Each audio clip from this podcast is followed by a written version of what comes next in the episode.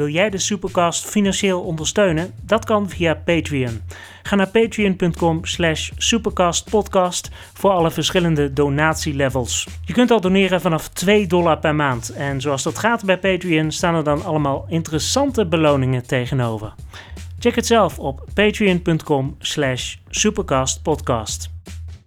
Laat maar gaan. Ik heb uh, drinken bij de hand voor als ik spraakwaarde nodig heb.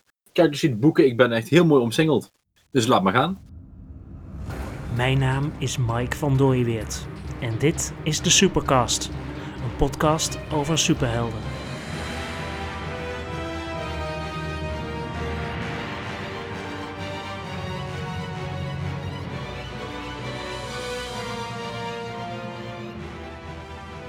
Welkom bij het tweede deel van de Dungeons and Dragons aflevering van de Supercast.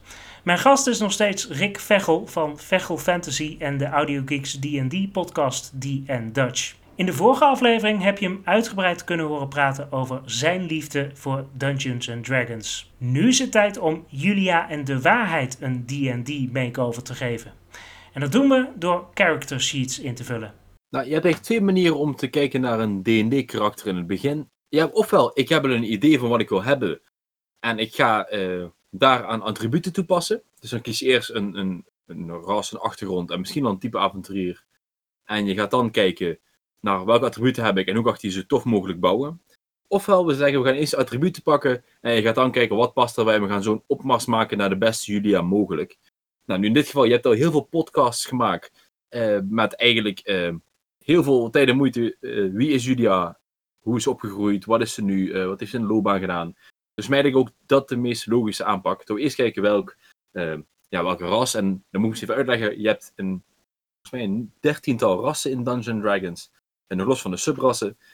En we kunnen ook wel zeggen, we hebben alleen maar humans. En dat is heel, uh, heel gemakkelijk, hè, want dan heb je altijd heel vrije keuze. Uh, maar wat ik meestal doe als we hebben over verhalen in de huidige tijd, dat ik wel de andere rassen pak, maar dan vooral vanwege de vaardigheden die ze hebben. zo heb ik bijvoorbeeld wel zwaar humans en half uitgekozen voor Julia omdat daar wel net een paar dingen bij zitten wat haar in haar personage dadelijk ook echt wel volgens mij ten goede gaan komen.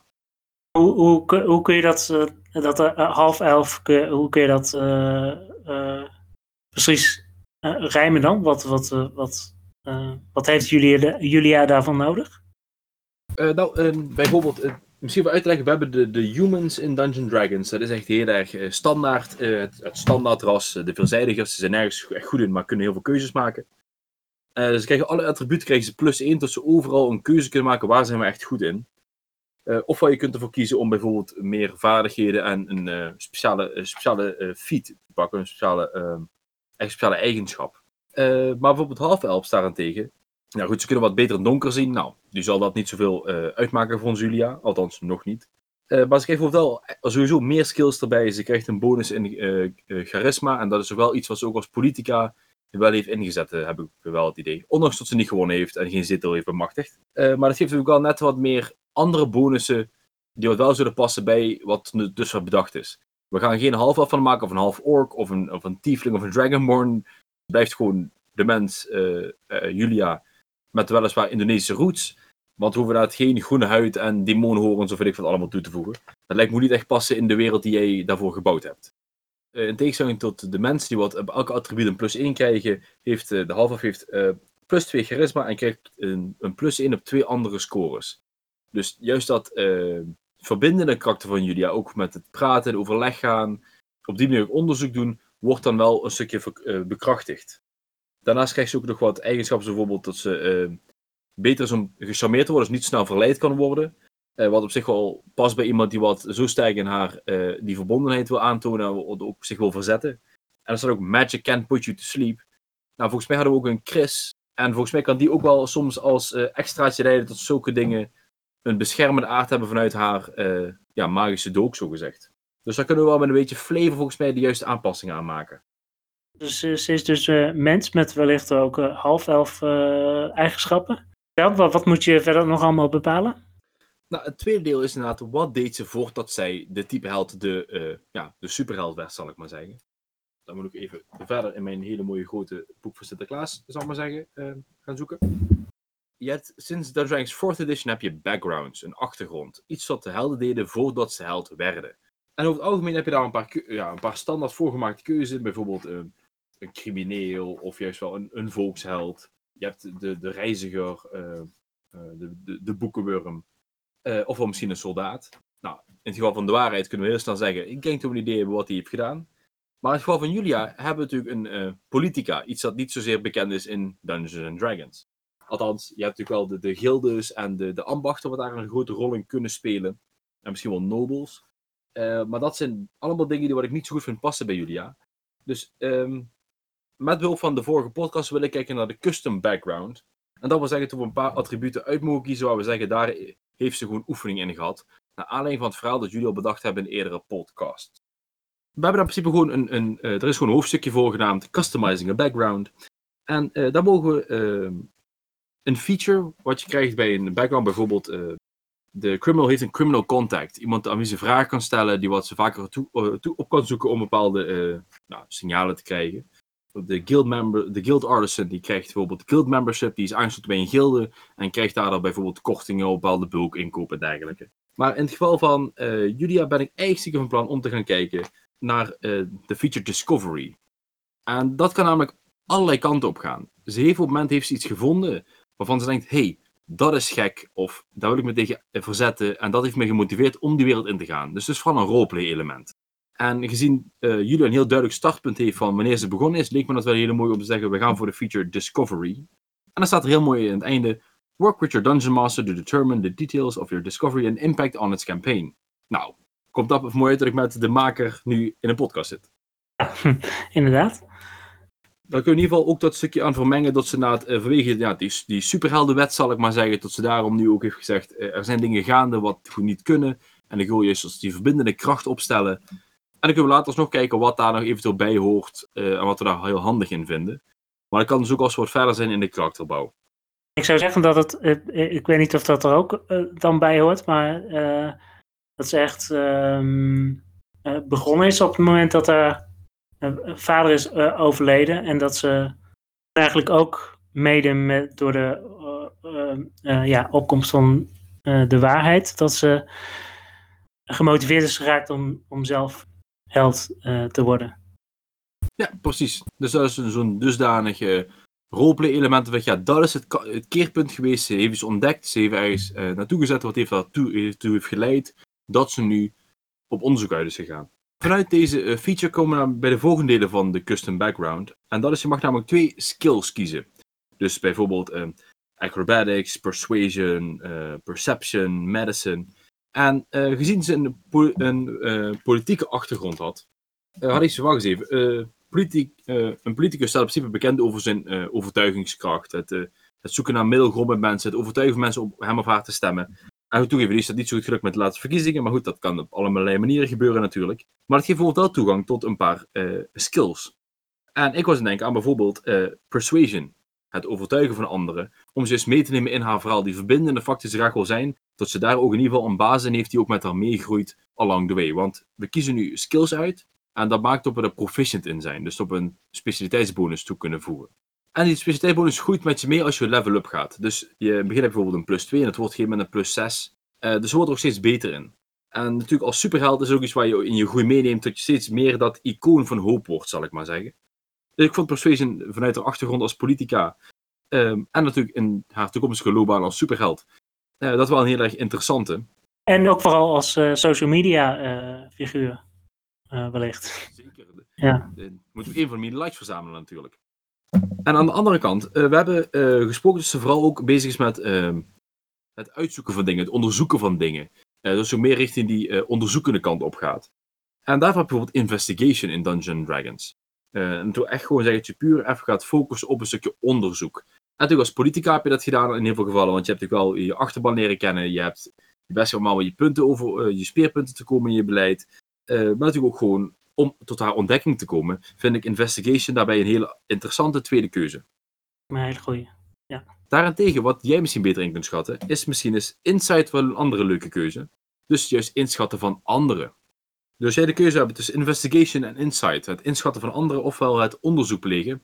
Wat denk je tot Julia uh, mee begonnen is, gezien haar achtergrond? Investigation, toch? Nou, dan gaan we nog een bolletje inkleuren bij investigation. heb, je, heb je ook, moet je ook kiezen zeg maar tussen die twee? Of? Nee, deze krijg je allebei. Je krijgt ook van het type avontuur krijg je nog een paar. Dus je bent er lang niet klaar met kiezen. dat is dus wat dus leuk maakt om karakters te maken. want we gaan nu gewoon echt simpelweg laag op laag bouwen om te komen tot ja, een, een full-fledged Julia. Het volgende deel is namelijk, we mogen twee tool proficiencies kiezen, ofwel twee languages. Nou, in principe, gezien het gaat om puur Nederland, we hoeven niet zoveel te kijken hoeveel talen we willen gaan spreken. Dus we houden gewoon even lekker op de common tongue. In D&D heet het ook gewoon dan common, dus dat is, helemaal gemakkelijk. We hoeven geen gekke dingen voor te verzinnen. En dan gaan we eens even kijken naar welke tools ze allemaal hebben. En dan gaan we meer kijken naar uh, bepaalde ambachten of hobby's eigenlijk. Want geeft eigenlijk Julia tot dusver ook hobby's? Dat is een goede vraag. Daar zijn we nog niet heel erg uh, uitgebreid op ingegaan. Nou, als ik dan bijvoorbeeld een aanzet doen vanuit Dungeons Dragons. We hebben een aantal tools uh, waarmee je om kunt gaan. En meestal komt dat of voor hobbytechnisch of in een beroep. En bijvoorbeeld een standaard uh, keuze wat Dungeons Dragons geeft is uh, calligrafiegereedschap. misschien wel koksutensils. Nu heeft niet zoveel zelf gezorgd, maar misschien is het wel een hele goede kok. De Indonesische keuken is meestal super lekker, dus laat vooral lekker gaan. tinkers, dus gewoon af en toe leuk vinden om te prutsen aan bepaalde dingen. Schildersgereedschap. Misschien wel houtbewerking, kaarten maken. Dus dat zijn allemaal een paar dingen waar ook nog een keuze in valt. Van wel de uh, ecstasy wat ze kan. Ik zit wel meteen te denken richting de materiaalprinter, maar dan zit je weer heel erg in, het, in, het, in haar professionele wereld, zeg maar. Nou, ze heeft aan moeten leren. Dus wij zijn voor, zijn voor 3D-design gegaan. Dat zou best wel kunnen, dat ze daarom met die 3D-printer aan de slag gegaan is. Ja, dat, dat, ja, dat lijkt me in ieder geval wel, wel, een, uh, wel een interesse die ze, die ze heeft. Dan gaan we voor de Tinker's Tools. Uh, toch een beetje het uitvinden en maken van dingen. En dan maken we daar gewoon 3D van, want flavor gaan we gewoon meegeven. Gezien jullie niet in de high fantasy setting van Dungeons Dragons zit, maar in ons uh, alternatieve Nederland. Uh, zou ze ook een muziekinstrument kunnen spelen, denk je? Ja, nou, ik moet bekennen, en dat is misschien een beetje stereotyp, maar um, de meeste Indonesische die ik toevallig ken, dat zijn allemaal bijzonder goede muzikanten. En ik weet niet of dat iets is dat ze gewoon van jongens aan meekrijgen, of dat ze gewoon die feeling hebben. maar in principe geef ze een maand mijn instrumenten en ze spelen mij eruit. Dus wat mij betreft zou ik een logische keuze vinden. maar de vraag is, hebben jullie daar ook interesse in? Of überhaupt ooit gehad, of misschien wel een druk van vroeger uit? Ja, ik, ik vind het sowieso interessant om over na te denken. Dus ik zou zeggen van wel. Maar de vraag is dan nog even welk instrument. Nou, het scheelt. Ik zet gewoon even een music instrument, neer. En we kunnen later altijd invullen wat dat precies is. Maar kijk, dan hebben we in ieder geval de background. Uh, we hebben twee vaardigheden gekozen. We hebben een tweetal ehm, tools gekozen. Om we de talen gewoon lekker bij het Nederlands houden. Misschien een beetje Vlaams, maar daar komen we wel mee weg. En dat is echt de background. Dus we gaan even mooi uh, de politica noemen. En hebben we ook de background ingevuld tot dusver. Want de rest gaat gewoon komen dadelijk uit het type avontuur dat we gaan kiezen voor Julia. Uh, even kijken, dat, dat, is dus de, de, de, de achtergrond van uh, Julia? Wat, wat is dan de volgende stap die je moet nemen? Nou, eens kijken. Wij moeten altijd kijken of we gaan voor een, een mens of voor een elflikker, zo gezegd. Uh, je, volgens mij boog jij net al meer richting de elf, toch? Of de half elf, zo gezegd. Ja, ik, ik zit er wel heel erg aan te denken om het zo realistisch mogelijk te houden. Dus dan zou je voor mensen moeten gaan, denk ik. Prima. Dan uh, gaan wij voor... Uh, Dungeon heeft namelijk The Variant Human. En uh, dat is eigenlijk een variatie. Er wordt gezegd, de Dungeon Master moet toestaan of dat lukt je af te nemen, maar in dit geval moet dat wel lukken. Dan krijg je twee attributen waar je een plus 1 bij kan geven. Je krijgt een extra vaardigheid, dus bijvoorbeeld even goed nog die insight. En je krijgt nog een feat, een speciale eigenschap die we op daar nog aan toekomen. Maar dan gaan we dus voor de human. Yes. We moeten daar eens voor de attributen gaan dobbelen, want dat wordt wel de volgende stap. Dan gaan we namelijk kijken ehm, waar alles het beste terecht kan komen. En we kunnen dadelijk als we de attributen gaan dobbelen, en als goed leg je je dobbelsteen al klaar, uh, gaan we voor de attributen uh, twee keer een plus 1 toevoegen. ik heb mijn dobbelsteen inderdaad hier uh, virtueel voor me. nou, net zoals toen jij volgens mij de cleric gemaakt had in, de, in mijn Stay at Home Comic Con podcast, gaan we nu dobbelen voor de attributen. En we gaan wel een kleine valspeelmethode toevoegen nu wij gaan dobbelen. Het kan zijn tot jij ontzettend veel pech hebt met dobbelen en tot Julia um, niet goed uit de verf komt. Dus ondanks dat wij nou, nu gaan dobbelen om te kijken welke statistieken we gaan toe gaan kennen, houden we de standard array achter de hand. En de standard array is in principe een, een basisset van Dungeons Dragons die zeggen, nou als je dit toevoegt aan je karakter, heb je altijd een solide basis om met je karakter te kunnen spelen. Niet tot Julia inderdaad binnen Dungeons Dragons, uh, hoe zou het netjes zeggen, uh, wel heel snel uh, blijkt dus absoluut geen held is op wat voor manier dan ook. Ja, duidelijk. je hebt als goed vier dobbelstenen met zes zijdes, dus 4 D6. ja, klopt. Nou, we gaan nu de vier dobbelstenen gooien en we gaan de drie hoogste bij elkaar optellen. En dus de laagste laten we vallen.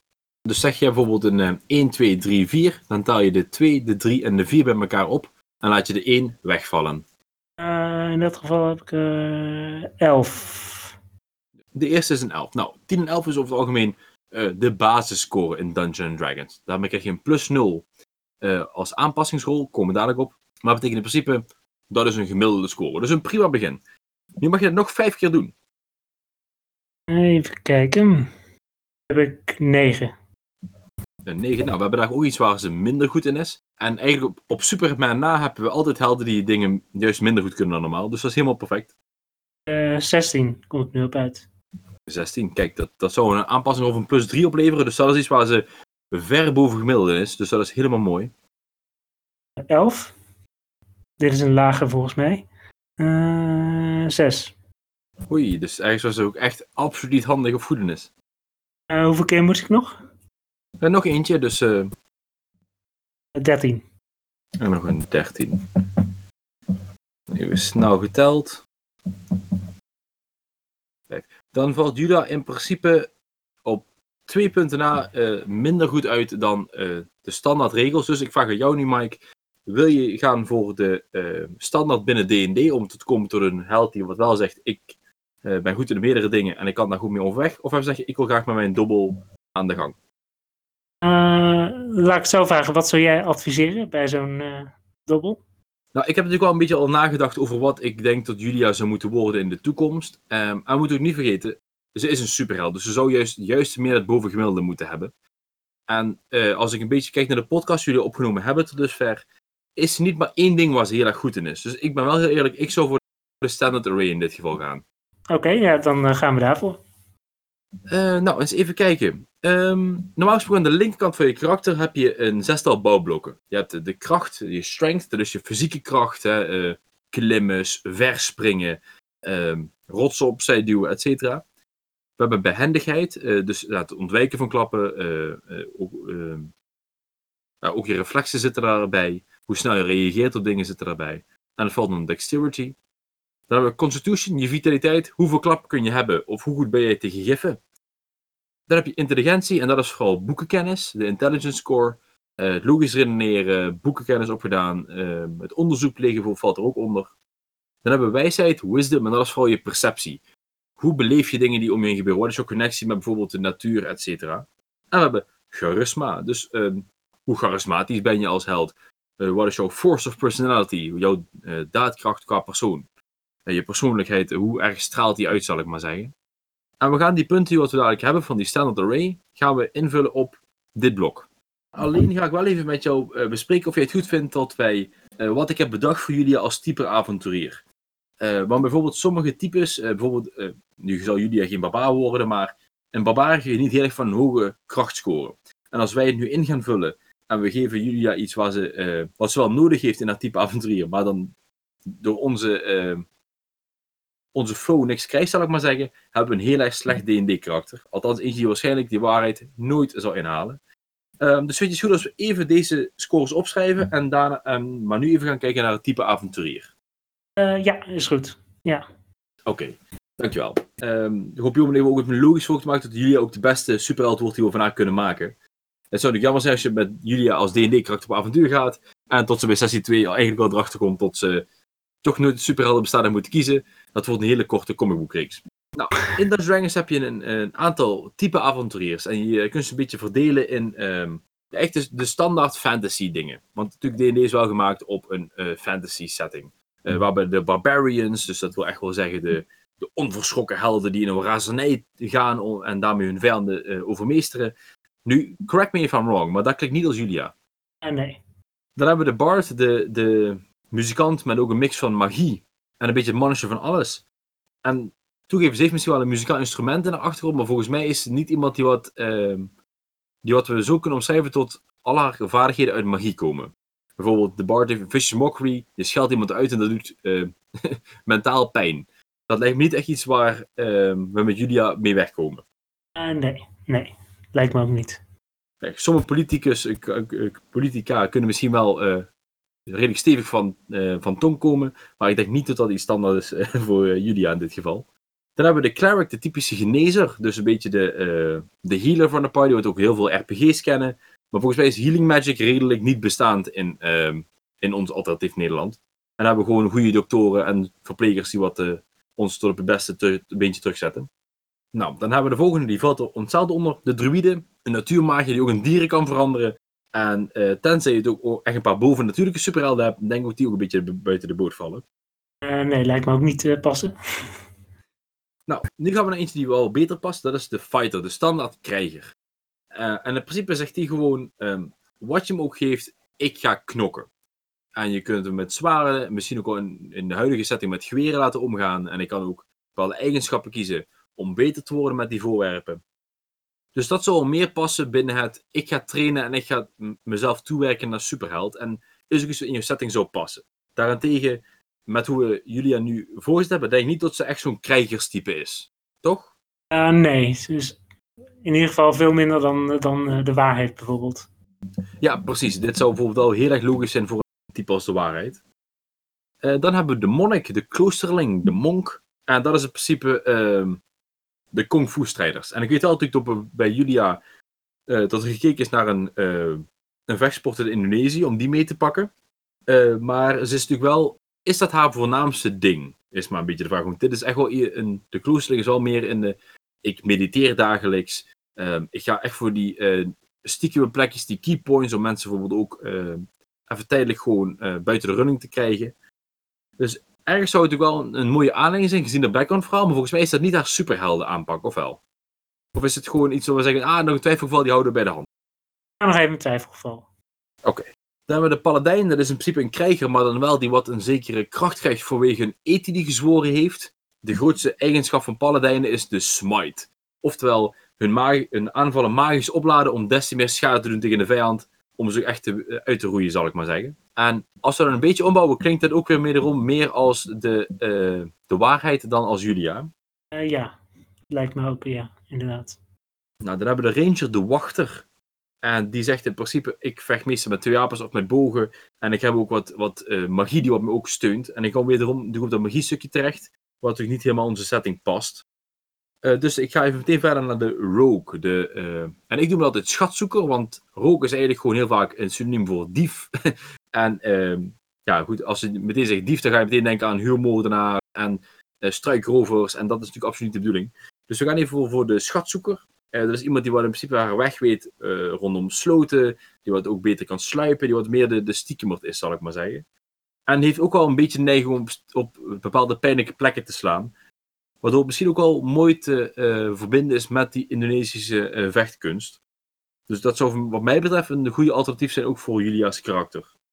ja, en waar ik ook aan zat te denken, maar misschien komt dat, komt dat nog als subcategorie, maar de eerste keer dat ik D&D uh, speelde, was ik een uh, Rogue Investigator. En dat vind ik, die kant vind ik ook wel bij haar passen.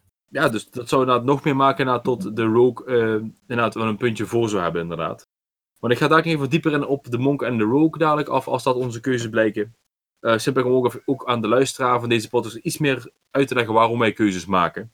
Want je hebt het dan over de, over de subcategorieën, en dat zijn er inderdaad nog een heleboel meer. maar dat uh, komt dan helemaal terug aan bod.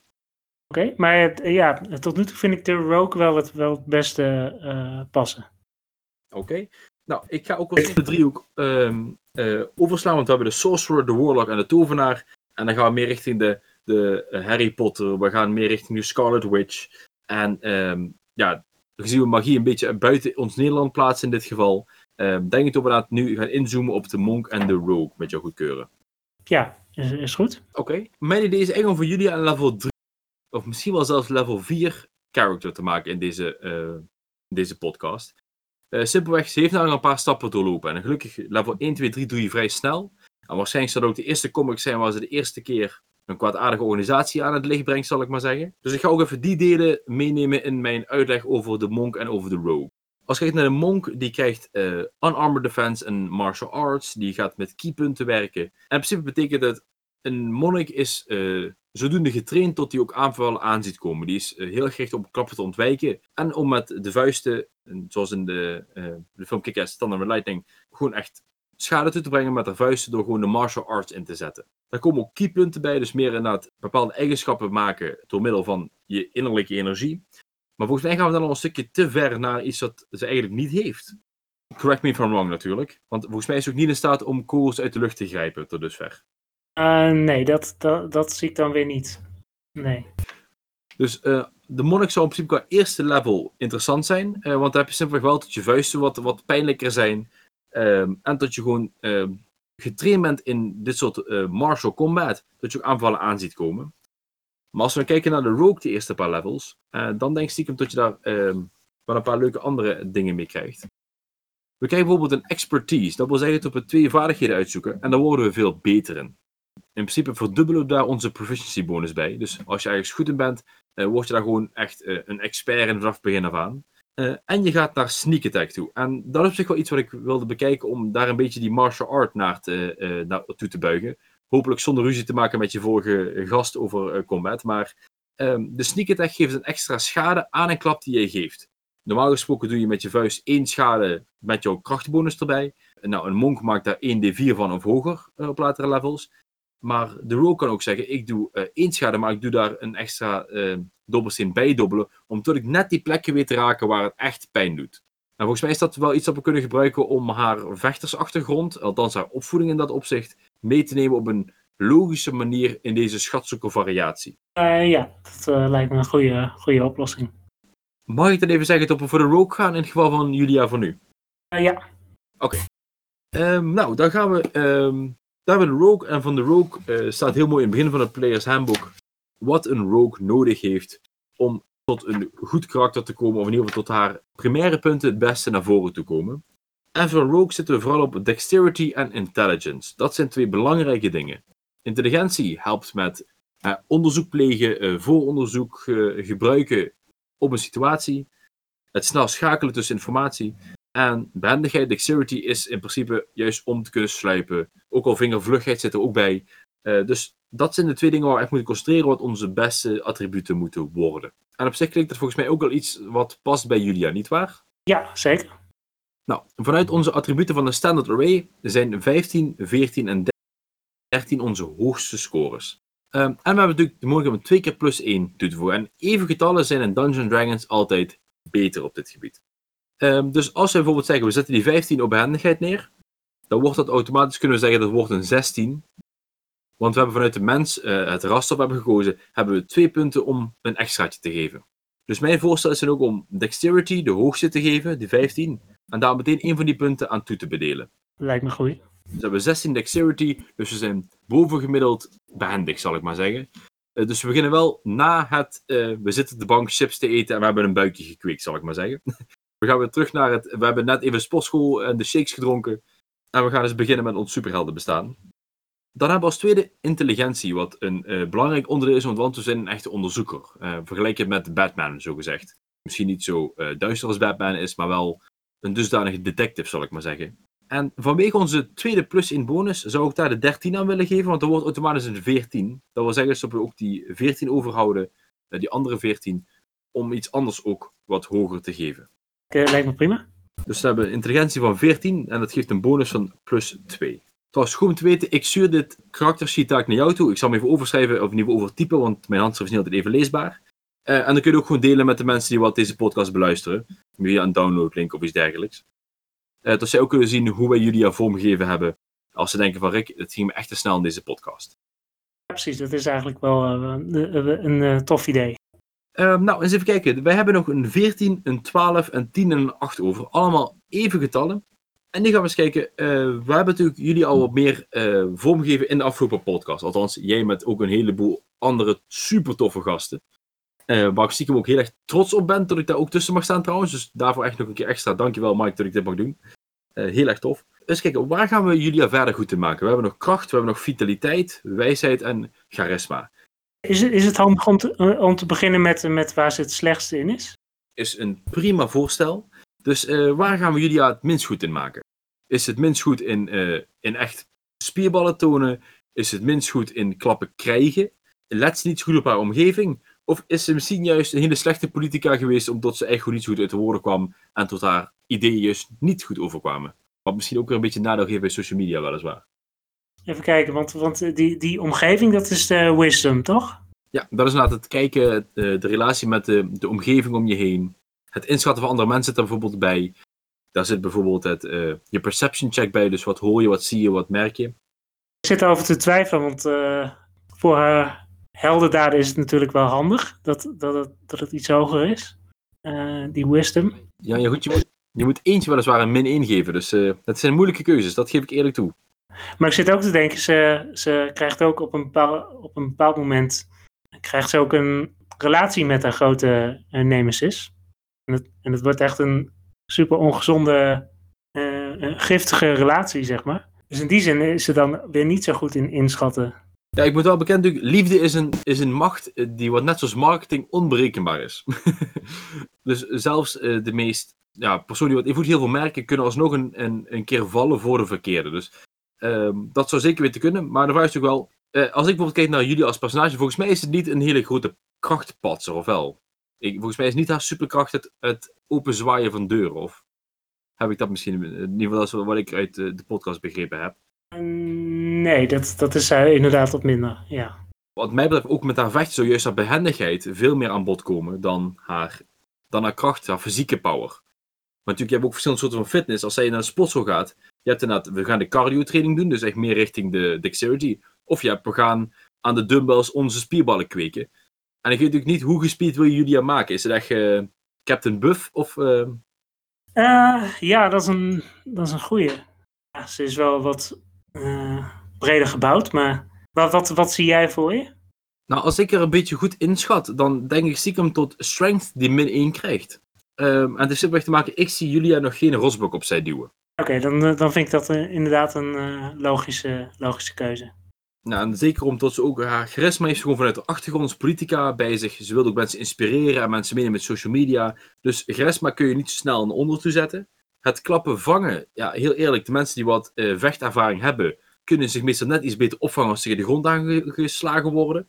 Dus ook Constitution vind ik een hele gevaarlijke. Of ze moet alles kunnen ontwijken, maar ja, goed, dat is een tricky iets. Maar is ook die wijsheid, het oplettende, heeft wel tot ze juist heeft gemaakt dat ze tot die realisatie is gekomen van ik ga het mij tegen uh, de waarheid afzetten om juist die verbindende kracht te spelen. En ook eens kijken naar bijvoorbeeld een, een perception check. Dat dingen opvallen is, is wel belangrijk. Ook als je het, je onderzoek wil doen, maar als jij überhaupt probleem nooit opmerkt, is dat een beetje jammer voor überhaupt te willen onderzoeken. Denk aan uh, dat kracht misschien haar minst sterke punt is. Dat vind ik inderdaad een goed, goed, goed idee. Nou, dan is de vraag, we hebben nog een 10, een 12 en een 14. Dus een bonus van een 0, een 1 en een 2. Uh, en nu mag je uh, je top 3 gaan vormgeven van de rest van de keuzes. We hebben nog vitaliteit voor uh, meer gezondheidspunten en beter bestand tegen bijvoorbeeld giffen. We hebben nog wijsheid, inderdaad, hoe sta je het relatie, in relatie tot de wereld om je heen. En je social media score, je charisma. Ja, dat is een lastige. Dat is het zeker. En geloof me ook dat elke speler dit het moeilijkste vindt van je karakterbouw. Een 10, 10 12 en... En een 14.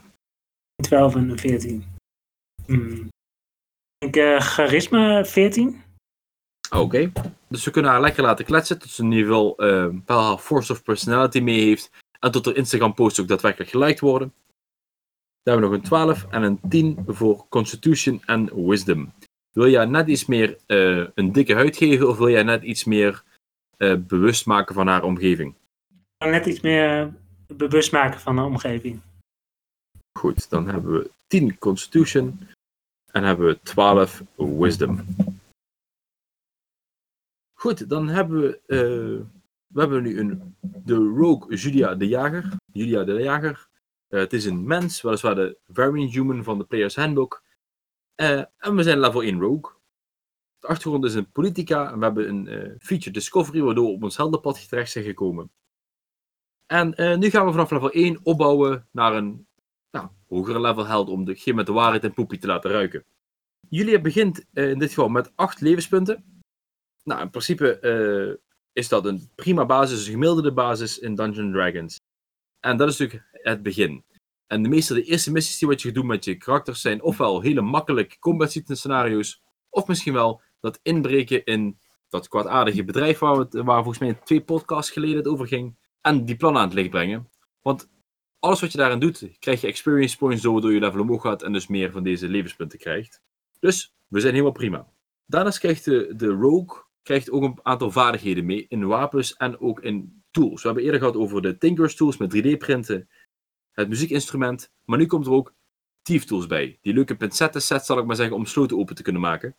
En in dit geval dus om te kunnen gaan met beveiligingsinstallaties. Zien we toch zijn in een hedendaagse wereld in plaats van uh, hangsloten op kisten uh, die in diep verborgen kerkers. Daarnaast zijn eh, kunnen we omgaan met simpele wapens, hand crossbows. Nou, in heel veel verhaallijnen zijn dat tegenwoordig pistolen als je dat de hedendaagse tijd trekt. Ook met lange zwaarden, rapiers en kortzwaarden zijn we, ze kunnen we goed vechten. En volgens mij komt dat mooi overeen met de Chris, het originele wapen bij gekozen vechtstijl en achtergrond van Julia. Dus dat komt helemaal te gek uit. En inderdaad, als ze ooit geweer moet gebruiken, kan ze in ieder geval ook daar een beetje mee omgaan. Nu is het natuurlijk niet de bedoeling bij de superhelden, dat maakt alle verhalen heel erg saai. Maar het zou zomaar een keer tot het moet. Uh, de Chris, mag dat meer vergelijken met uh, uh, een, een, grotere dolk? Of mag ik dat vergelijken met de kortzwart van de Romeinen? Qua grootte. poeh. dat, is een, dat is een goede vraag. Ik heb het nog niet echt gezien en Google brengt natuurlijk maar zo ver. Dus ik denk, ik ga dat gewoon even lekker voor deze podcast bewaren. Kun je ook later doen, dus ik kan best dat er nog een luisteraar daar een goed idee over heeft. Dan mag je dat zeker even laten weten in de commentaren. Um, ja, ofwel een mails of wat anders, dat is natuurlijk meer dan welkom. Het is wel, het is wel groter dan een dolk in ieder geval. Nou, dan gaan we gewoon de short sword aanhouden. En die schrijf ik ook al meteen op, want dat is natuurlijk wel haar uh, family heirloom. Haar, uh, nou, toch iets dat echt wel bij Julia past uh, en wat ze sowieso heeft. Misschien niet tot ze iedereen neersteekt, maar wel tot ze die eh, in haar bezit heeft. Um, dan mogen we nu nog een paar extra vaardigheden uitzoeken. Net heb je moeten twijfelen tussen bijvoorbeeld insight en investigation. En nu krijg je een heel lijstje bij de Rogue waar je er uh, vier van mag kiezen om alsnog toe te passen. Um, als je het goed vindt, ga ik ze even stap voor stap even uitleggen. Mag je daarna je keuze maken. We gaan nu naar een aantal vaardigheden en we gaan er vier uitkiezen uit de lijstje dat ik nu verder ga uitleggen. Nou, de eerste keuze is acrobatics, ofwel de flikflaks, het veilig landen, je three-point landing, uh, alles wat superhelden cool maakt. Daarnaast hebben we athletics, dus dan ga je wel een beetje naar, de, uh, naar zwemmen, naar klimmen, naar springen, om juist die wat meer te boosten. Ook al hebben we een lage kracht, kunnen we daar misschien wel mee compenseren dadelijk. We hebben Deception, het liegen tegen anderen. Nu staat volgens mij niet wat Julia veel zal doen, omdat het heel open is over identiteit. Maar het kan altijd zo'n leugentje van best wel des te ver door wil drijven. Nou, Insight, het inschatten van anderen waarover het gehad hebben. We hebben Intimidation, dus het intimideren van anderen. Ik denk dat dat een snelle skip wordt, maar hè, dat laat ik aan jou. We hebben Perception, dus dat ze getraind is om juist wel op haar omgeving te letten. Wat ze hoort, wat ze ziet, wat ze ruikt, om juist een hint te krijgen ofwel juist gevaar op te merken. Spidey Sense Light, zo gezegd. We hebben dan nog Slate of Hand, dus juist dingen kunnen ontvreemden met zakkenrollen, principe een beetje. En we hebben nog Stealth, en dat wil zeggen het rondsluipen om misschien weg te komen van de waarheid, ofwel langs een bewaker te kunnen sluipen op weg naar een uh, bedrijf die, dat, toch niet helemaal zich aan de regels blijkt te houden. Ja, duidelijk. Je mag er vier van kiezen. Uh, acrobatics, athletics, deception, insight, intimidation, Perception, Slate of Hand en Stealth. De eerste twee sowieso wel, denk ik. Ja, dat lijkt me inderdaad uitstekende dingen om te zeggen dat ze zich daar op voor moeten bereiden, want dat zijn echt wel super dingetjes. Het atletisch vermogen en de three-point landing zijn natuurlijk wel twee dingen die je niet kunt skippen als je superheld bent. Ik kan me voorstellen dat vooral zo'n zo'n uh, athletics, dat, je, dat ze daar nog heel, heeft, heel erg in heeft moeten trainen bijvoorbeeld. Ja, dat is echt de cardio training. Dus je bent in de roeimachine bezig, je bent aan het zwemmen geslagen elke ochtend. Uh, misschien wel als, warming-up. Uh, je bent met die cross-trainer aan de gang gegaan uh, dagelijks om juist goed je conditie weer op te peppen. Dat valt echt allemaal wel redelijk onder athletics. Uh, dus dat inderdaad prima past bij het ik heb mijn buikje weggewerkt naar die zak chips, zal ik maar zeggen. Misschien ook wel een goede tip voor mezelf als ik daarover nu spreek, maar ik hoop dat niemand me dat morgen voor mijn voeten gooit. Wat past dan verder nog bij Julia? ik denk sowieso ook een stukje stealth, want volgens mij is het, geen, is wel een, super, een superheld die wat wel wat vaker rondsluipt.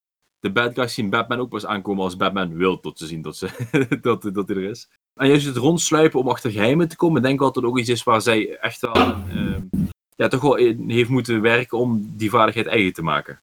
Ja, dat eh, lijkt me ook. Nou, dan hebben we nog nou, Insight, daar was je net ook over aan het twijfelen. Eh, en we hebben nog Perception, wat ik ook wel hele logische keuzes vind. Dus Perception is het, uh, dat dingen überhaupt opvallen. En we hebben Insight om juist anderen in te schatten. Hebben die over een bad guy of een good guy. Maar dat zou dan weer weg kunnen vallen, omdat ze ook die toxic relation heeft met de waarheid. Ja, precies. Dan, dan zou ik zeggen Perception. Nou, dan gaan we voor een Perception. Dus kijk, we hebben er vier gekozen. 1, 2, 3, 4, 5. En we hebben er zes totaal, want we hadden de background hadden er twee stuks. Nu vier van de Rogue, dus dat is helemaal perfect. Nou, misschien een goede vraag, maar er is wel volgens mij kort her en daar gesproken over de uitrusting van ons Julia. Heeft ze al haar superhelden kostuum, heeft ze al bepaalde uh, eigenschappen daaruit? We hebben daar al een beeld van gekregen tot dusver? Of zijn er al keuzes gemaakt? Nou, ik heb in de vorige aflevering wel, wel uh, over gehad. Die, die, maar die staat nog niet uh, online. Ik ben nog niet helemaal klaar met monteren, dus ik uh, moet hem weer even horen. even kijken, maar wat, wat zou jij sowieso aanbevelen qua uitrusting? Ja, nou, um, nou goed, we hebben sowieso de, de Chris, haar, haar short sword. Nou, nu scheelt het, je krijgt altijd een, een starterspakket bij Dungeons Dragons. En vaak zit er bijvoorbeeld een dungeoneering spec bij. Nou, er zit bijvoorbeeld een grappling hook en een touw en een water skin en een waterflesje. Maar in dit geval denk ik wel dat als we kijken naar haar uh, combat abilities, op we dat de Chris hebben. Dus een, een flavored short sword in Dungeons Dragons. Uh, want dat is gewoon vanuit de achtergrond een hele logische keuze. Uh, maar ik denk ook dat ze wel dus iets van een beschermende uitrusting draagt. En Rogue staan dan bekend dus met light armor werken.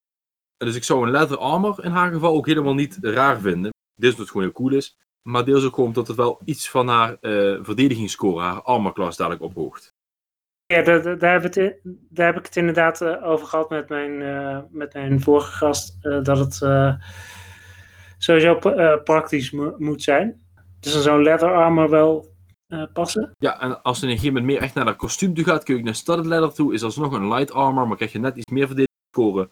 Maar zeker in het begin we hebben natuurlijk ook die, die scène in de Spider-Man films waar het eerste worstelpakje naar voren komt van Spider-Man. Dat, dat hele amateuristische sweatshirt, zal ik maar zeggen, met een joggingbroek. Schietje erbij. Um, ik vergelijk daar even haar letter allemaal mee. En dan kan later altijd nog beter worden. Naar aanleiding dat ze gewoon ook steeds meer aan de slag gaat met wie ben ik als superheld. ik moet mijn kleren verbeteren. Ik krijg wel echt veel klappen. Dus ik wil inderdaad wel beginnen met letter armor mee keuren. Vind ik een goeie. Uh, een letter armor geeft 11 als basisscore. En dan komt de dexterity bonus erbij. Dus ze heeft nu 14 verdedigingsscore. Dus als ik je wil raken met de waarheid of een andere villain, moet ik een 14 of hoger gooien om je überhaupt te raken met een dobbelsteen met 20 zijdes. Dus een prima begin. Uh, ook lekker bovengemiddeld om juist te komen tot een. Uh, jullie die niet met een blauw oog de volgende dag op social media met haar foto staat. Nou, daarna krijgt ze ook meteen een paar tools. Want ze heeft natuurlijk op YouTube gekeken hoe ze een slot moet openmaken. Of hoe ze een beveiligings unit moet ontmantelen. En er eerst een netwerkkabel uit, daarna pas een stroomkabel, zal ik maar zeggen. Die Thief Tools heeft ze ook al aanwezig. Want dat zit ook bij de basis van de Rogue. Nou, daarna gaan we naar de drie basiselementen van de Rogue in Dungeons Dragons. Nou, de eerste heb ik al eerder een, kort genoemd. Dat is de Sneak Attack. Oftewel, je doet extra schade tot je juist die pijnlijke punten weet te raken als jij met een ander in gevecht bent. Uh, of als er een bondgenoot jou binnen een, aan, uh, binnen een bepaald, bepaalde afstand staat als je door een of andere reden voordeel hebt jouw aanval. Bijvoorbeeld, je hebt je verstopt in een hoekje um, en je weet de vijand te verrassen op een of andere manier. Dan krijg je de sneak attack damage. En ik vind dit ook een hele mooie flavor om te zeggen, dit zijn de kansen die wat zij ziet en vooral creëert in haar martial arts, in haar uh, in de Indonesische vechtstijl, om met haar Chris of met haar vuisten een heleboel pijn uh, aan de ander te geven. Dus de sneak attack is een van onze basisfeatures van de Rogue. En is dus nu in principe voor de. Toen het goed zeg, Senpak? Nee? Wat was de vechtstijl alweer? Penchak Silat, geloof ik. Ik weet niet of ik nu, ge, uh, verkeerd uitspreek en ruzie krijg, maar. Nou, ik hoop het ook niet. En dan scheelt we een podcast hebben afstand. Ook met de anderhalf meter samenleving, daar komen we nu goed mee weg. Maar in ieder geval op inderdaad ook uh, deze vechtstijl pakken als de sneak attack uh, uitvoering. Daarnaast hebben wij Thieves Cant. En dat is een type van geheimtaal. Um, gesproken onder dieven en andere uh, partijen die wat iets willen vertellen wat de man niet mag weten. En ik weet niet of veel van nagedacht maar is dit misschien ook iets dat ze uh, ook misschien bij, uh, en dan gaan we natuurlijk wel heel erg in de digitale kant van dingen zitten natuurlijk, maar We hebben natuurlijk de dark web. Ik weet niet of er ook een alternatief in Nederland bestaat, maar juist ook wel een soort van ondergrondforum waar mensen op een of andere manier uh, informatie met elkaar uitwisselen zonder dat bijvoorbeeld een waarheid of een andere partij erachter komt. Is dat iets dat we daar zouden kunnen omschrijven, zo gezegd? Hmm, ik vind het een goeie. Ik vind het aan de ene kant wel passen bij Julia. Aan de andere kant denk ik dat juist iemand als de waarheid uh, zoiets ook wel gebruikt. Misschien ook wel in dat wereldje zit. Of misschien dat twee van die wereldjes zijn. Dat kan natuurlijk ook. Want als Dungeon Master kun je natuurlijk de wereld zo mysterieus en groot maken als je wilt. Uh, in die zin, als jij zegt, ik ga niet met Julia spelen, maar ik ben juist de wereld met onder andere de waarheid, kunnen natuurlijk meerdere geheime genootschappen zijn. Ja, of uh, wat ook interessant is, is dat ze daar allebei in zitten en dat de, daar op een gegeven moment achter komen. Ook allebei met zijn eigen screenname. Eentje is een Julia de Jager en de andere is een echte waarheid, maar ze geloven niet dat de andere dat is. Dat lijkt me te gek. Of de waarheid 0005, uh, net zoals die oude MSN-e-mailadressen, zal ik maar zeggen. Dat lijkt me geniaal. Nee, lijkt me een goed idee, inderdaad.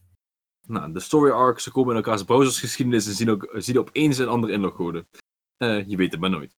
Dan gaan we naar de derde basis van de Rogue en dat is de expertise. Nou, we gaan weer terug naar de skills, dus microfoon hou het even vol. Um, je mag twee skills kiezen, wat we eerder uitgekozen hebben, waar wij super goed in worden.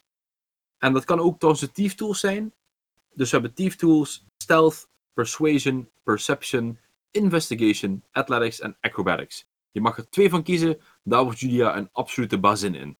Wat, wat zou jij adviseren?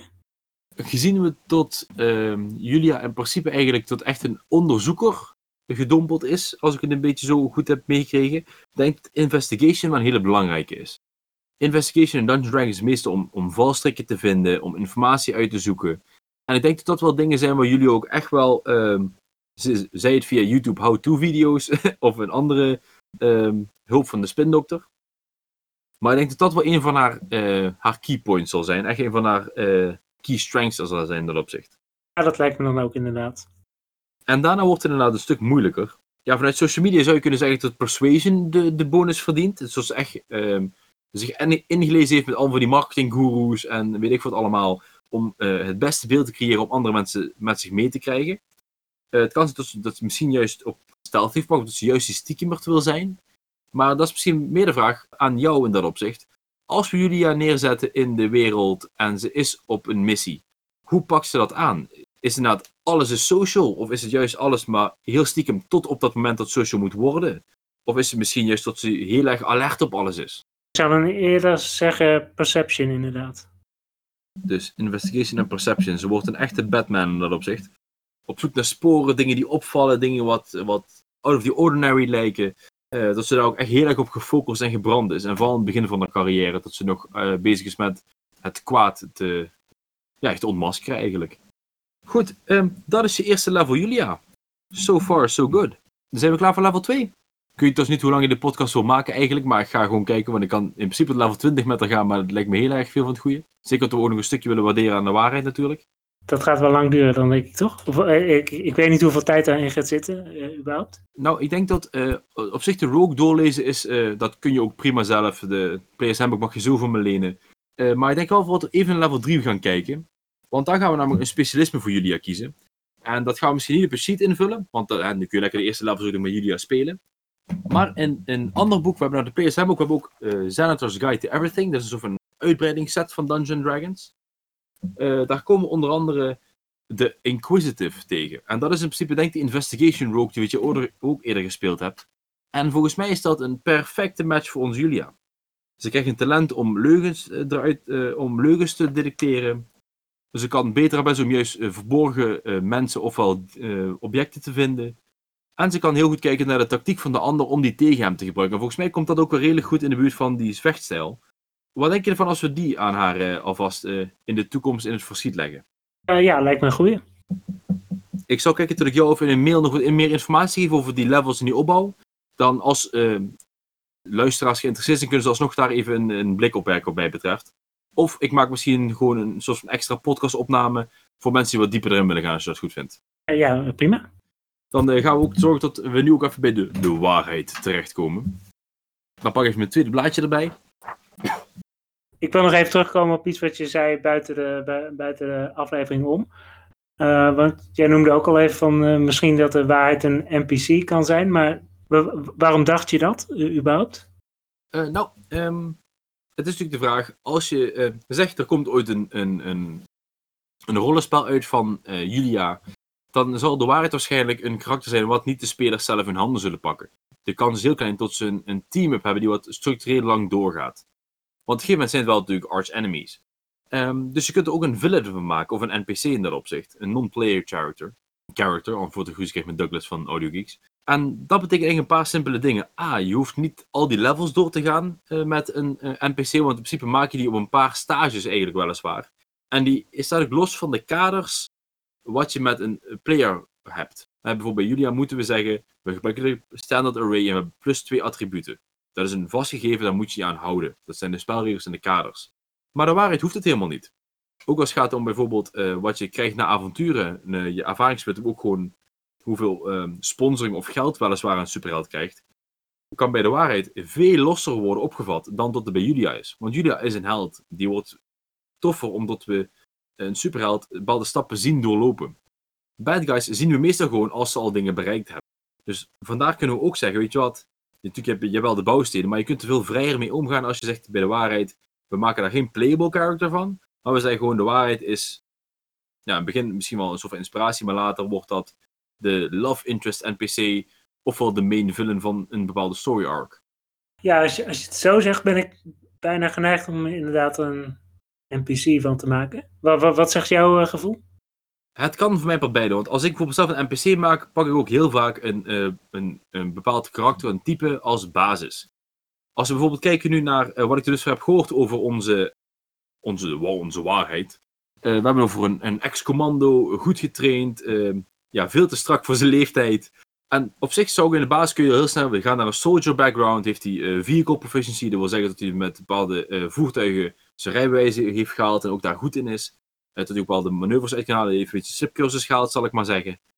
Um, aan de andere kant heb je ook zijn klas. En dan kijk je terug naar die paladijn en die fighter combinatie. Misschien ook al een stukje barbarian. Want het is echt een vechtersbaas. Um, waardoor we tot die bruut geweld gebruikten. Die ook gewoon niet stopt waar je zegt van vijand is verslagen. Maar nee, we slaan hem ook echt om een voorbeeld van hem te maken voor de eerstvolgende die het probeert. Dan komt bijvoorbeeld een barbarian rage terecht. Maar ik snap best dat je niet van de waarheid een of andere viking wil maken.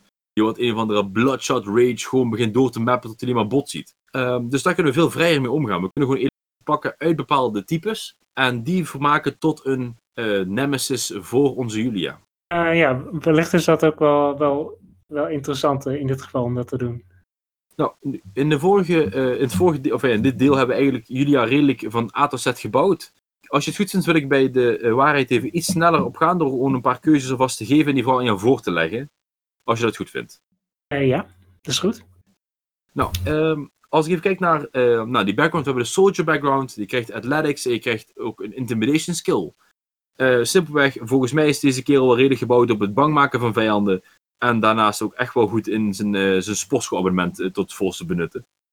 En voor de rest wil ik kijken dat ik van hem een paladijn maak. Alleen dan kijk dat ik de paladijn um, niet gebruik als in uh, hij heeft zijn magie en zijn heilige eet. Maar hij heeft vooral een overtuiging waar hij van zegt: ja, dat is waarom tot ik uh, die bad moest sla. En er kwam ook van tevoren ergens uit dat, dat, hij misschien wel een hulpmiddel had, zoals bijvoorbeeld zo van die rocket boosters in zijn elleboog, om juist die klappen van die Muay boxen net wat meer power te geven. Dat klopt toch? Of heb ik dan een aflevering gemist waar dat weer ja, daar heb ik het inderdaad gehad, uh, over gehad met, uh, met uh, Martijn Lindeboom. Maar dat is, dat hebben, daar zijn we niet dieper op ingegaan of zo. Dus ja, wellicht dat we nu tot iets kunnen komen. Ja, precies. Maar ook de Muay Thai, dat is gewoon ja, een hele, ehm, hele harde vechtsport. Je kunt er veel van zeggen, maar tot je vriendschappelijk Muay Thai bij het boksen, denk ik altijd, hoe dan? um, ik heb toevallig een paar wedstrijden online opgezocht en ik heb echt wel een, een angstpoepje gelaten, zal ik maar zeggen, toen ik zag hoe, dat, hoe dat eraan toe ging. Maar ik was dus aan het denken, wat als de waarheid een beetje richting een paladijn-fighter combinatie is? En waarom toch zegt de paladijn? De paladijn heeft de divine smites. Weet je, de, uh, de extra krachten vanwege de overtuiging dat hij, het goede doet. En laten dat, uh, en we hebben in het geval van Julia gezegd, we gaan haar vechtstijl omzetten naar die sneak attack. En dat zou ook bij de paladijn kunnen. Tot je zegt, we pakken die divine smite. Uh, tot juist die gepassioneerde mappen die, en schoppen die hij uitvoert. Om juist die extra uh, schade toe te bedelen aan die ander. Dus een Divine Smite als een, eh, de uitlaatklep voor de Mutai asswhooping. Dan nog steeds wel met, ehm, met het idee dat hij iets goeds doet voor zichzelf dan. Ja, precies. Dat u een soort overtuiging van, ja jongens, ik heb bij het juiste eind. Ik ben de waarheid. En zo bewijs ik dat. In principe, als je het vergelijkt met eh, bijvoorbeeld een serie, is net is een beetje die, die finishing blows, weet je wel. Of, eh, ja, hoe gaan we het vergelijken? De, het moment dat de superhero een nieuw, nieuw wapen tevoorschijn haalt, of misschien wel met de Infinity Gauntlet net die extra klap verkoopt tot Thor met zijn Stormbreaker axe nu zegt, ik ben nog toffer dan met Mjol- Mjolnir. Totdat die, eh, die genadeklappen zijn, wat hij zegt, dit ga ik even poweren, die elleboog, die krijgt even wat extra passie van me. Klats, het richting die, eh, die kaak bijvoorbeeld, en daar gaat weer een bad guy, althans in de ogen van de waarheid. Ik, ik moet meteen weer aan eh, computergames eh, denken, waar je dat ook vaak, eh, vaak hebt. Absoluut, ja zeker. Dat is misschien een veel betere vergelijking eigenlijk. Ehm, dus ja, als je het goed vindt, wil ik altijd de, die Divine Smites als een vertaling gebruiken van, de, eh, van zijn vechtstijl. En ook juist ook van de overtuiging die wat, de, ja, die wat hij gewoon meeneemt, de, het strijdtoneel op, zal ik maar zeggen. Eh, ja, li- lijkt me prima. Eh, tof. Eh, want eigenlijk, ik wil voor de rest de paladijn eigenlijk namelijk weglaten. Want voor de paladijn is ook, die wordt immuun voor ziektes bijvoorbeeld, gewoon door die heilige overtuiging. En vaak zit er gewoon een zegening bij. En dan gaan we misschien weer net iets naar een fantasy setting dat we net niet zo goed past bij onze alternatief Nederland setting. Dus dan ga ik even terug naar de krijger, de fighter. En die heeft bijvoorbeeld eigenschappen dat hij zegt, ik eh, heb eh zo'n adrenaline boost, zal ik maar zeggen, waardoor je het extra levenspunten terugkrijgt. Of juist, ik ga in deze ronde even extra veel combinaties uithalen. En dat lijkt me ook echt wel typische eigenschap van de waarheid, dat hij vooral laat zien dat hij dat, die pinnacle of physical perfection is, zal ik maar zeggen. Nou, in de fighter heet dat second wind, is die adrenaline boost, dus je even wat, wat gezondheidspunten terugkrijgt. En de action surge, en dat is in principe gewoon eh, één keer per, eh, per dag, zal ik maar zeggen, kan die even net een stapje verder gaan. Dus eigenlijk net nog zeggen van, ik mag er wel 50 zijn, maar ik ben een fitte 50er. Eh, en dat hij gewoon dus een extra eh, can of opent. En in principe met deze eigenschappen, en het feit dat we hem als ras ook gewoon een mens maken, komen we op die manier al snel tot die in principe een, ja, in twee levels voor ligt op Julia eigenlijk. Wat hem wel sowieso meer gezondheidspunten geeft, wat ook wat meer, eh, ja, juist die abilities geeft. Eh, Hij heeft de, de Muay Thai, eh, hij heeft die adrenaline boost en even een keer die extra can of pass. En dan denk ik dat je dan een hele mooie eerste enemy hebt om Julia ehm, ja, toch een goede uitdaging te geven, zo gezegd. Een eh, level 5 dus? Nou, misschien level 3 al zelfs. Level 5 kan ook al. Maar dan ga je misschien wel een erg groot gat maken. Maar de vraag is natuurlijk ook, en dat weten wij als luisteraar en ook ik als gast eigenlijk nog niet. Wanneer is een eerste confrontatie? Ah, dat is goed, daar zijn we nog niet echt op, op ingegaan eigenlijk. Ik, ik, ging er een beetje, ik ging er een beetje vanuit dat we eh, Julia op level 3 hadden. Van, vandaar dat ik 5 zeg, maar Ja, dat, dat, dan zou zeker kunnen, want in Dungeons heb je ook vier tiers of play. Dus vier eh, spelniveaus, zal ik maar zeggen. En dan kom je in principe terecht op ehm, level 1 tot en met level 4. Dat is gewoon, je bent beginnend, je bent de lokale held. Ja, goed, nu woon ik zelf in een dorp, dus dan kan ik heel makkelijk zeggen, ja, ik ben de held van het dorp en misschien wel de gemeente. Richting level 10 ga je meer, ik ben de held van de provincie. En, daar, en daarboven zit je al meer op landelijk en zelfs globale held. Ehm, dus als we daar zeggen, we zetten de, de waarheid op level 5 of 6, is een prima startpunt. Juist omdat hij ook die landelijke, ja, die landelijke waardering al heeft eigenlijk. Nou, dan heb ik eh, wel nog een keuze voor je. Eh, we hebben namelijk bij de fighter hebben we twee archetypes, twee specifieke mogelijkheden. Waar we bij Julia heel snel uitkwam de Inquisitive, die wat heel goed bij haar paste, eh, gewoon door de omschrijving wat we van haar hadden. Heb ik voor de waarheid heb ik twee keuzes eigenlijk gemaakt voor de fighter. En dat is eh, de champion. En de champion zegt gewoon, wat ik doe, ga ik gewoon beter doen. Eh, die wordt fysiek, wordt die beter. Hij krijgt meer kans om echt rake klappen uit te delen, dus de critical hit zo gezegd. Of we hebben de Battle Master. En de Battle Master gaat vooral tactisch te werk. Die, gaan, die krijgen bijvoorbeeld eh, een aantal eh, speciale vaardigheden. Waarmee die bijvoorbeeld de vijanden eh, hun wapen af kan pakken. Of juist op de grond kan gooien om dan erop moest te mappen. Welke vind jij beter passen bij de waarheid? kijk, die, die, die eerste was dat je eigenlijk niet, niet, niet heel tactisch te werk gaat, toch? Klopt, dat is gewoon, ik map en ik map gewoon harder en ik map gewoon beter. die heeft ook de toepasselijke naam The Champion. En de andere heet de Battle Master. Dus nou, ga je inderdaad zorgen dat het speelveld naar jouw hand komt. Of zeg je gewoon, ik ben zo fantastisch, ik ram daar gewoon doorheen. Ah, ik, ik vind voor allebei wel iets te zeggen eigenlijk. Lastig. Ja, nou, het scheelt, we mogen nog ook een feed uitkiezen. Dus een, een, eh, die hebben, bij jullie hebben we die overgeslagen voor nu. Maar je kunt nog een fietsen kiezen, waardoor je alsnog een paar tactische voordelen kunt krijgen als je toch de champion zou kiezen. Maar daartegen wat de champion kan, kun je niet op een andere manier krijgen. Ik toch gaan voor de champion, denk ik. Goed, dan gaan we voor de champion. En we geven hem dan de feat Martial Adept. Waardoor hij wel wat van die technische, uh, van die tactische voordelen kan behalen. En dat heet de zogenaamde de Battle Maneuvers in Dungeon Dragons. En dan kunnen we bijvoorbeeld zeggen, we gaan inderdaad mensen uh, hun wapen afpakken. We kunnen juist een reactie uitvoeren om iemand snel een klap terug te geven. Uh, iemand op de grond duwen. Twee mensen tegelijk raken die naast elkaar staan. weet je al, als je toch aan de voren toe slaat, pak dan twee vuisten. dus dan kun je gewoon een leuke keuze uitpakken. Om juist ook de waarheid te maken tot de vechtersbaas, die wat hij ook pretendeert te zijn. Um, en een beetje de redder van iedereen regeren met een rij ijzeren vuist, zo gezegd. Maar volgens mij heb ik de waarheid daar wel goed, goed mee ingeschaald, toch? Ja, inderdaad. En even kijken, daar hebben we ook nog een paar skills voor hem. Nou, ik denk dat Intimidation en Athletics komen er sowieso voorbij kijken. Dat zijn ook echt wel dingen die bij hem passen. Eens even kijken, dan hebben we nog... En de fighter heeft minder keuze dan de rogue, dus dat maakt het wel ook wat moeilijker aan de andere kant.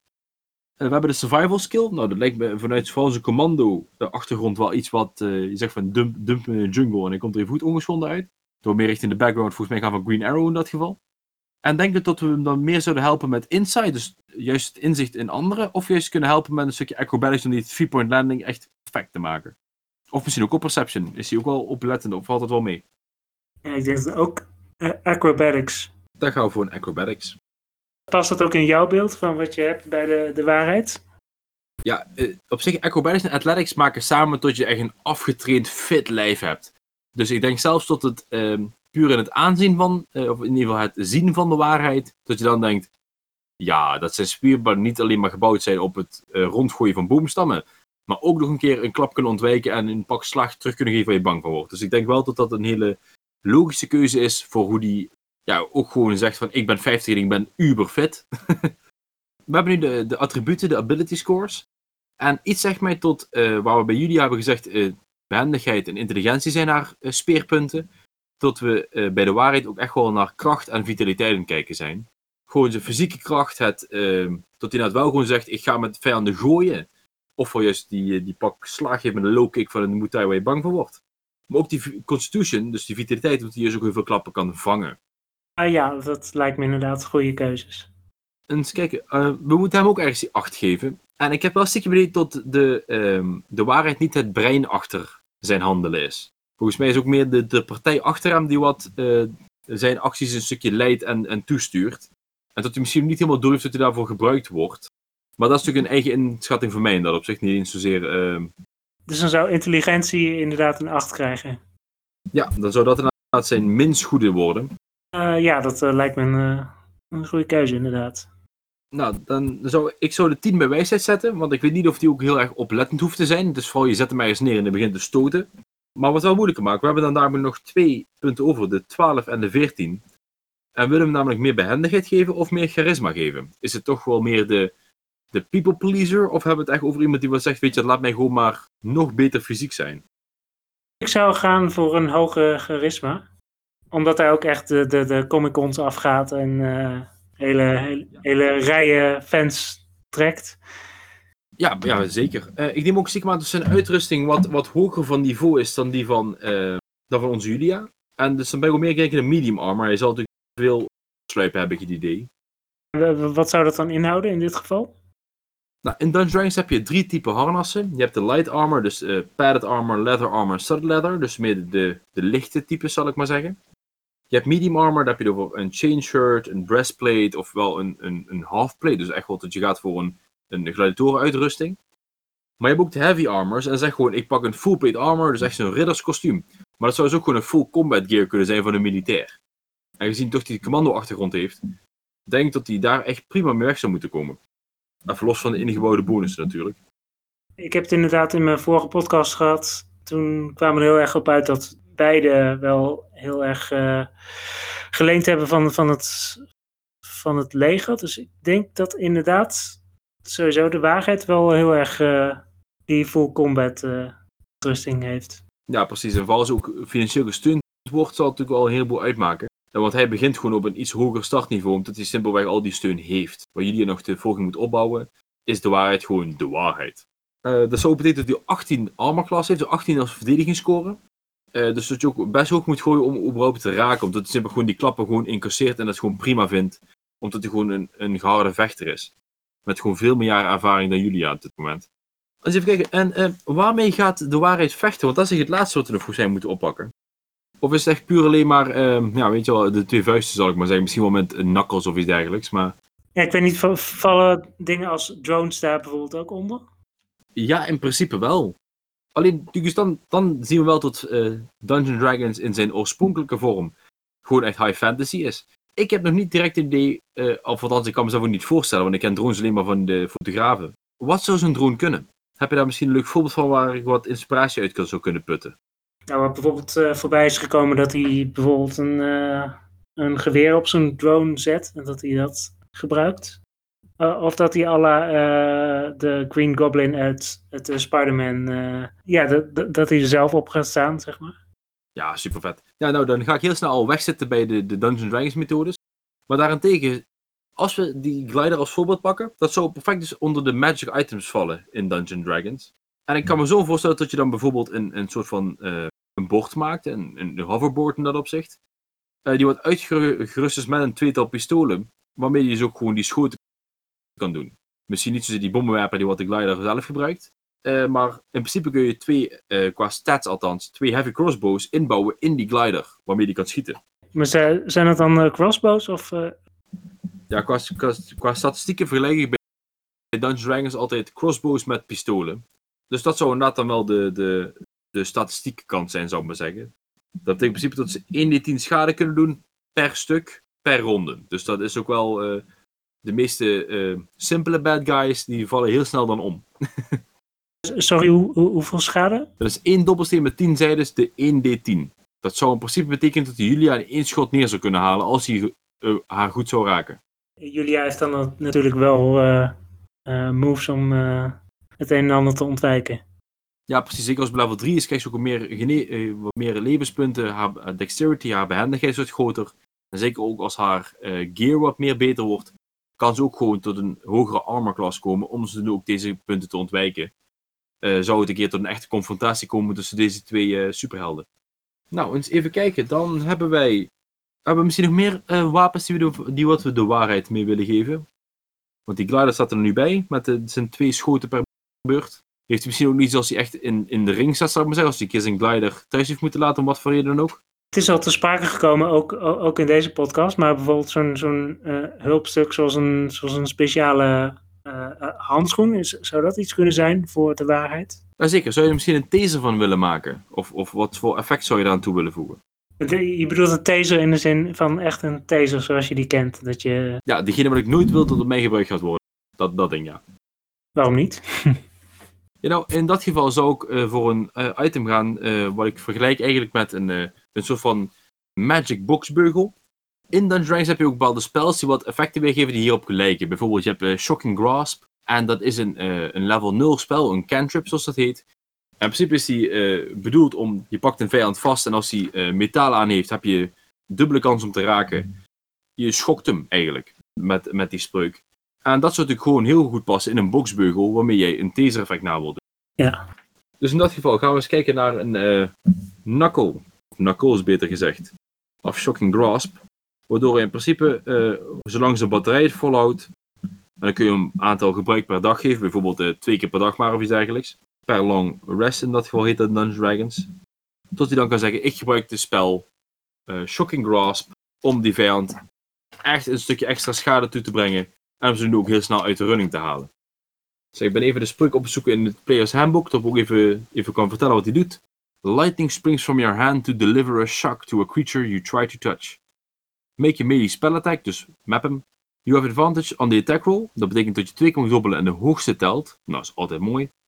And if the target is wearing metal, uh, the, uh, the target takes 1d8 lightning damage and it can take reactions. Dus je bent ook eventjes geschokt, waardoor je min- minder snel kan reageren op bijvoorbeeld de volgende mappen die wat je van de, de waarheid krijgt. Of wat juist de waarheid jou voorbij loopt om naar de andere bad guy te rennen. Zal. Als we, als we gaan voor een eh, leren outfit voor Julia, dan scheelt dat weer. Ja, precies. Dan heeft ze ook daar goed, goed over nagedacht. Eh tot ze daarmee niet gevangen zal worden door, door de waarheid. En eigenlijk, eh, tenzij nog iets toevoegen, hebben wij volgens mij twee perfecte basissen voor jouw superheld en superschurk in Dungeons Dragons. Voor, voor zover ik er verstand van heb, klinkt het inderdaad als een, als een goede basis. Nou, dan ga ik het volgende ook een keer even aanbieden. Wij gaan gewoon een keertje eh, een avontuur maken met deze twee helden. Ehm, dat kan via Google Meets en kunnen we een keer buiten de podcast doen of we nemen het op, dat maakt mij niet uit. Maar dan mag jij met Julia eh, door, een, door een opdracht heen. En dan gaan we gewoon eens kijken hoe goed tot Julia ook daadwerkelijk is in bepaalde eh, uitdagingen. En om tot de waarheid in het begin nog een, een, bondgenoot is, heb je daar een stukje backup bij. Maar zo gezegd dat je ook kunt zien heel snel in het gevecht dat je in de toekomst toch wel wat aandacht moet gaan besteden om deze meneer te baas te worden. Is dat een tof idee? In ieder geval een eh, heel tof plan. Ik ben er zeker voor. Ik wil zo ook Ja. een keer voor de Audiogeek zoiets doen, dus dat komt helemaal in orde in dat geval. En dan heb je gewoon al je held klaar. En dan is het gewoon undercover Julia in een heel andere wereld. Dankjewel, Rick. Mocht je meer van Rick Vechel willen horen, je kunt zijn podcast D Dutch vinden op audiogeeks.nl. En daar is de Supercast natuurlijk ook te vinden. De Supercast vind je verder terug via Apple Podcasts, Spotify en jouw favoriete podcast app. Mailen kan ook, doe dat dan naar supercastpodcast.gmail.com. En mocht je de show financieel willen ondersteunen, dan kun je dat doen via Patreon. Kijk op patreon.com slash supercastpodcast. In de volgende aflevering staan Julia en de waarheid een keer niet centraal. Ik maak namelijk weer even een uitstapje naar de eerste fase van de Supercast. Dan is de gast Kevin Groes, journalist bij het AD en een van de hosts van de podcast AD Binge Watchers. Een podcast die gaat over series. Hij is daarnaast fan van superhelden in de comics en op het scherm en dat is een combinatie waar we het zeker over gaan hebben. Tot de volgende keer.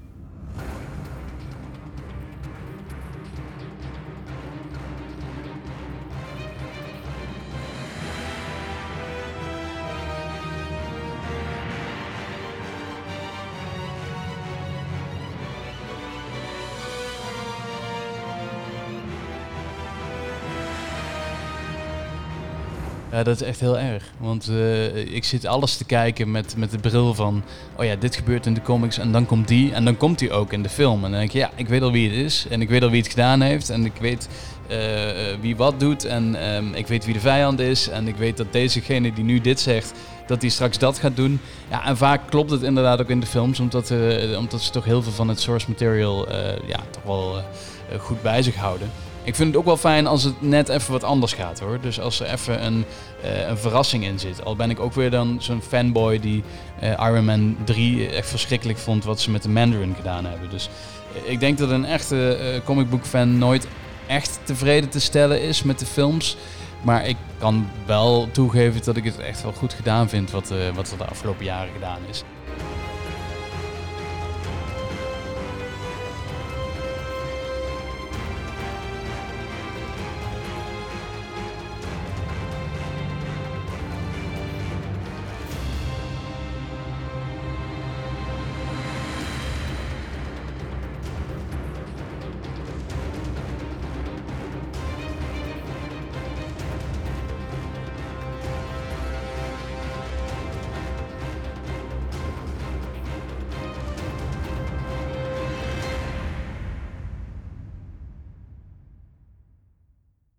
Ga gewoon weer even spelen met een paar instellingen. En hoop dat hij dan ook gewoon de skills toelaat. Zoiets, even kijken of dit wat beter gaat werken nou. In het vraag je naar u nog zal ik zo vaak op genoeg.